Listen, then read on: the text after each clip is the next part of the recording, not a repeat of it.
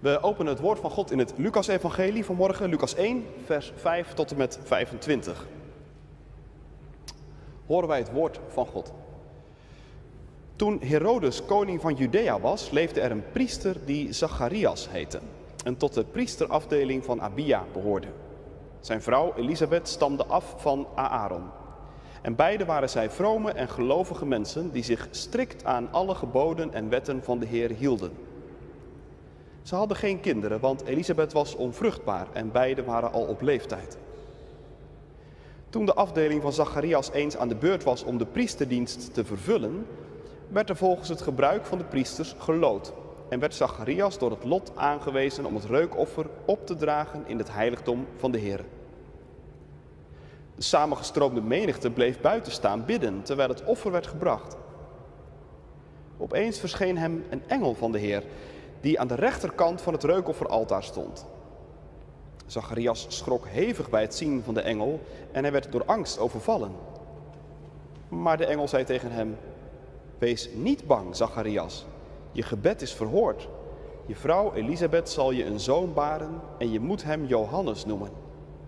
Vreugde en blijdschap zullen je ten deel vallen en velen zullen zich over zijn geboorte verheugen. Hij zal groot zijn in de ogen van de Heer. Wijn en andere gegiste drank zal hij niet drinken. Hij zal vervuld worden van de Heilige Geest terwijl hij nog in de schoot van zijn moeder is. En hij zal velen uit het volk van Israël tot de Heer hun God brengen. Als bode zal hij voor God uitgaan met de geest en de kracht van Elia om ouders met hun kinderen te verzoenen en om zondaars tot rechtvaardigheid te brengen. En zo zal hij een volk gereed maken voor de komst van de Heer.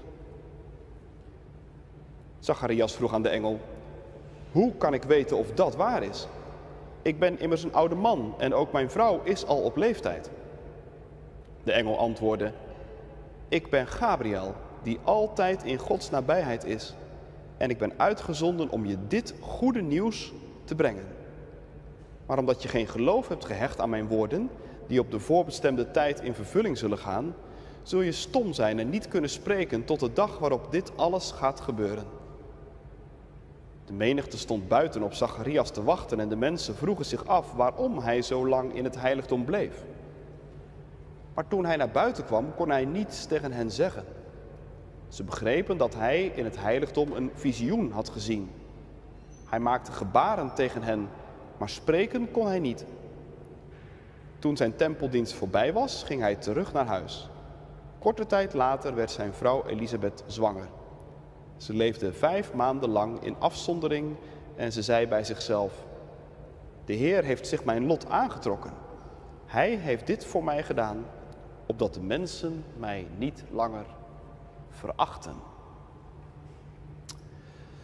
Tot zover de lezing. Dit is gemeente vanmorgen het woord van God. Voor jou, voor u, voor mij. En gelukkig zijn we als we het woord van God horen, dat bewaren in ons hart en daar ons vertrouwen op stellen. Halleluja. Uitgangspunt voor de verkondiging straks is het laatste stukje van vers 17. Woord van de engel over dat wat Johannes, de aanstaande zoon van Zacharias, zal moeten gaan doen.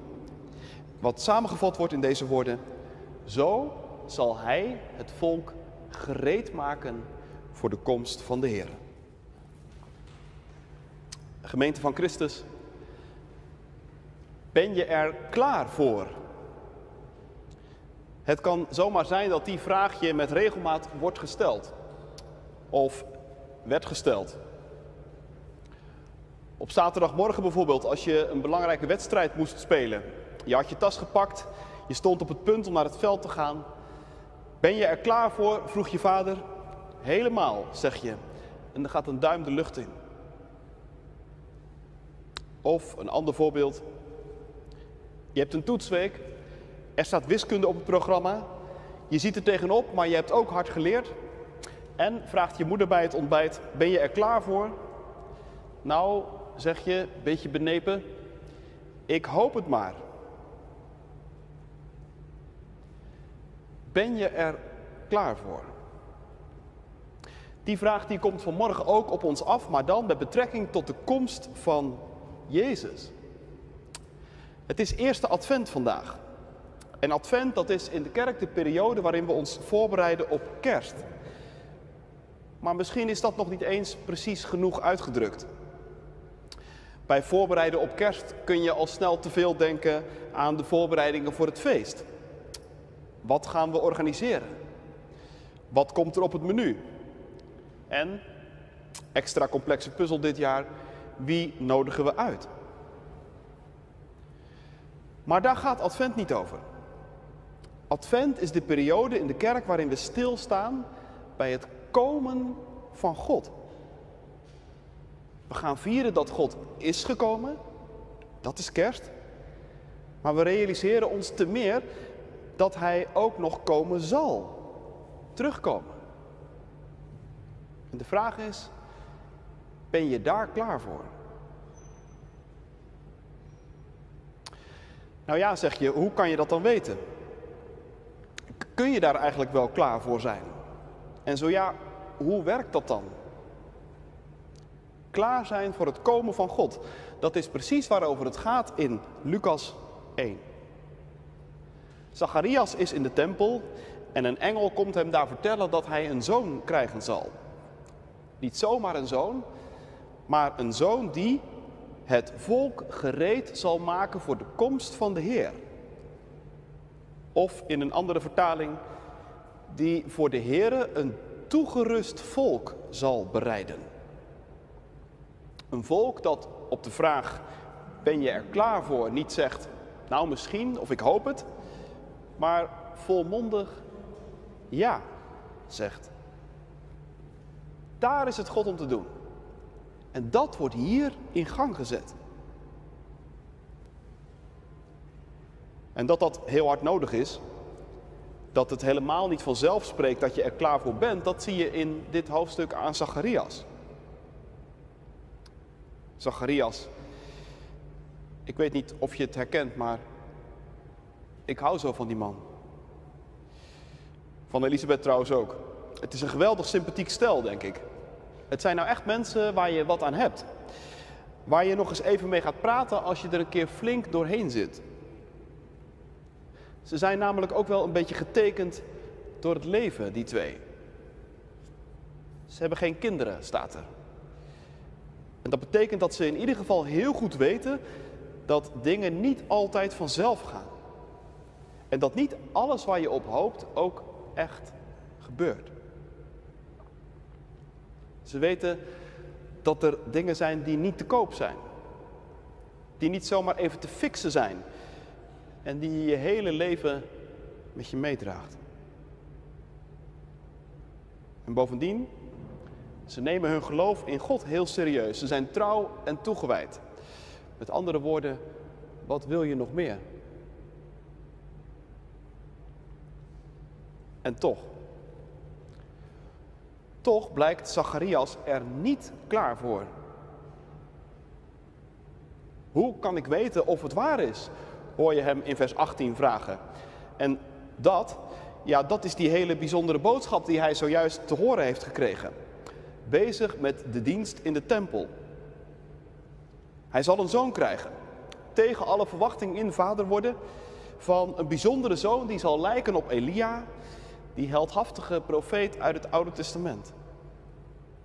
Hij zal een zoon krijgen die op een bijzondere manier vervuld is met de geest van God. Het zal een zoon zijn die ook echt iets zal betekenen. Die verandering teweeg zal brengen. Er vallen in de woorden van de engel woorden als bekering en verzoening. En dat allemaal inderdaad om ervoor te zorgen dat er mensen zullen zijn die klaar zijn als God komt. Zei net, voor het komen van God is Zacharias zelf bepaald nog niet klaar. Hij gelooft gewoon niet wat de engel zegt. Geef me eerst maar eens een bewijs, hoor je hem in feite vragen. Dan praten we weer verder. Het is hem allemaal veel te groot en veel te veel. Veel te vreemd misschien ook wel. Want dat komen van God, wat moet je je daar nou toch precies bij voorstellen?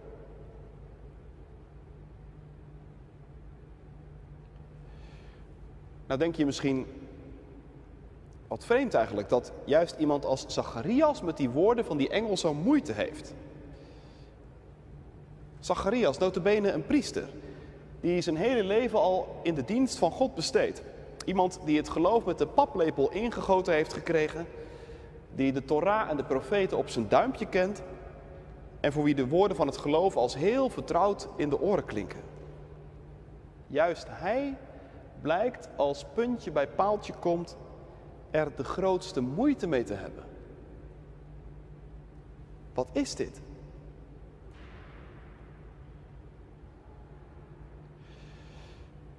Nou, wat dit is, dit is denk ik wat ieder eerlijk gelovig mens diep van binnen herkent. De woorden van het geloof zijn je bekend en vertrouwd. En je bent er ook graag mee bezig. Tuurlijk. Je hebt je lievelingsliederen, je zet je met hart en ziel in voor je gemeente, je geloof geeft je steun en structuur. Tot het moment dat het erop aankomt. Tot het moment aanbreekt dat de woorden van het geloof levende woorden blijken te zijn.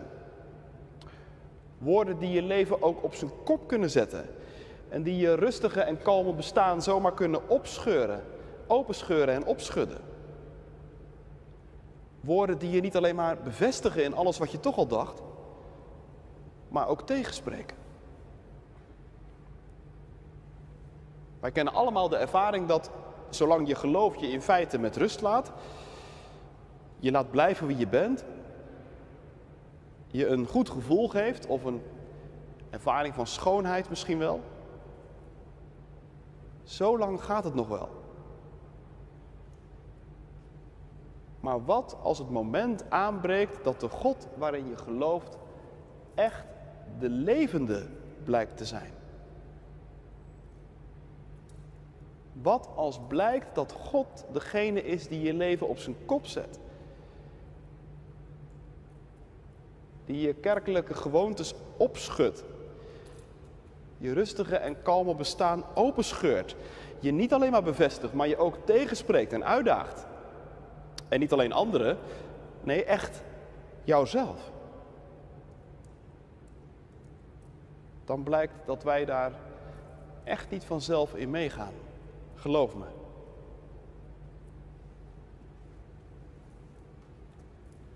Ik zei net,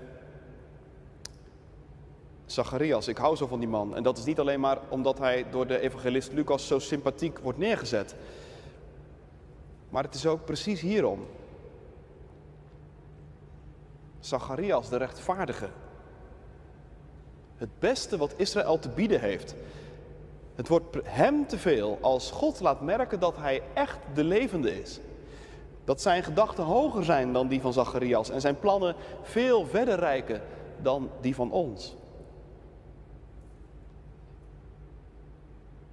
Want over de schouders van Zacharias heen kijk ik mee en zie ik mezelf. En zie ik jullie. En zie ik zoveel christenen in ons land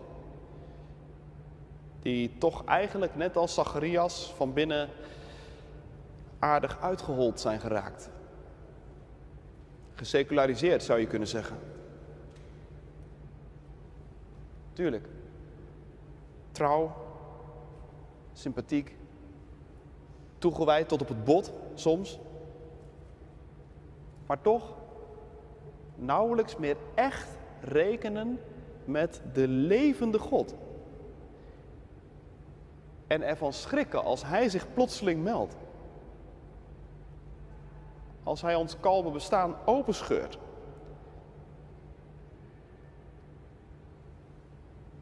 Maar als Hij dat doet, en je voelt toch ook aan, Hij is bezig om dat te doen, Hij doet het voortdurend, dan is het met geen ander doel dan dit: dat Hij ons gereed maakt voor Zijn komst. God is bezig om ervoor te zorgen dat we er klaar voor zijn.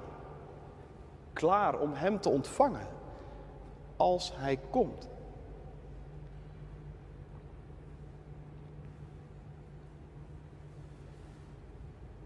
Zacharias. De woorden van de engel waren hem te veel. Hij kon het niet geloven. Misschien dat je de neiging kent om ongeloof vooral met begrip en met voorzichtigheid tegemoet te treden. En vaak is dat best goed. Maar opvallend is dat de engel dat hier niet doet. Ik ben Gabriel die voor God sta, zegt hij. Met andere woorden, besef wel even tegen wie je het hebt, Zacharias. Ik ben een bode van de levende God. En in mijn buurt is even geen ruimte voor ongeloof. En Zacharias, hij krijgt dan ook het zwijgen opgelegd. Hij vroeg om een teken. Maar hij werd zelf een teken. Zwijgend gaat hij de adventstijd in. Zijn ongeloof is het zwijgen opgelegd. En het krijgt geen kans meer om de woorden van de engel de komende tijd nog een keer ter discussie te stellen.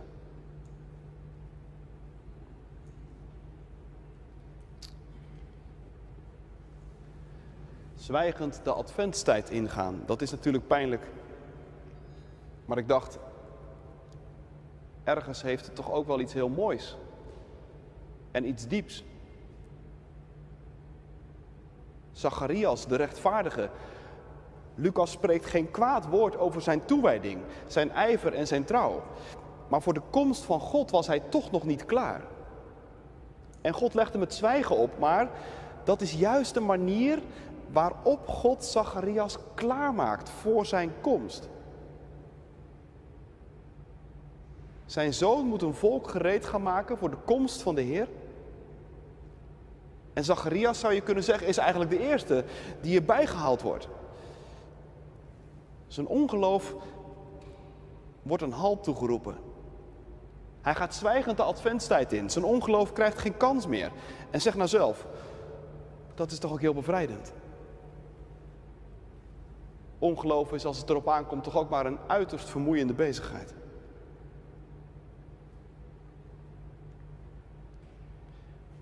En daarom dacht ik, misschien moeten wij het ook maar doen de komende weken. Beetje meer zwijgen. Er wordt zo vermoeiend veel gezegd en geroepen in onze wereld. En de verleiding om je er continu maar in te mengen is zo groot. Probeer eens wat vaker te zwijgen tijdens deze advent. Want wie minder zegt, wie minder de wereld in kwettert, heeft veel meer gelegenheid en tijd om zijn andere zintuigen te gebruiken. Je oren, je ogen bijvoorbeeld, zodat je scherper luistert, scherper kijkt.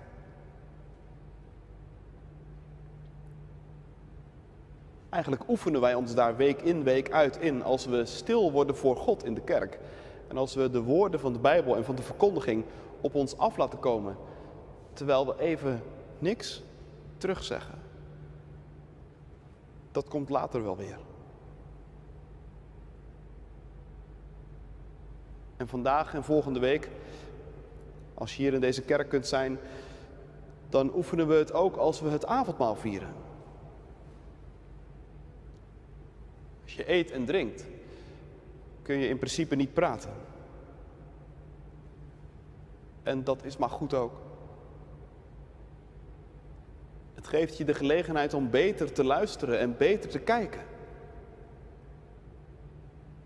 Te kijken hoe God bezig is om zijn volk gereed te maken voor zijn komst. Als hij onze ogen richt op de tekens van Christus. De tekens van brood en wijn. Die in al hun eenvoud toch iets heel dieps tegen ons zeggen. Het diepste wat er te zeggen is. Zo is God, zeggen deze tekens. Zo is God. Hij laat zijn lichaam breken en zijn leven vergiet hij.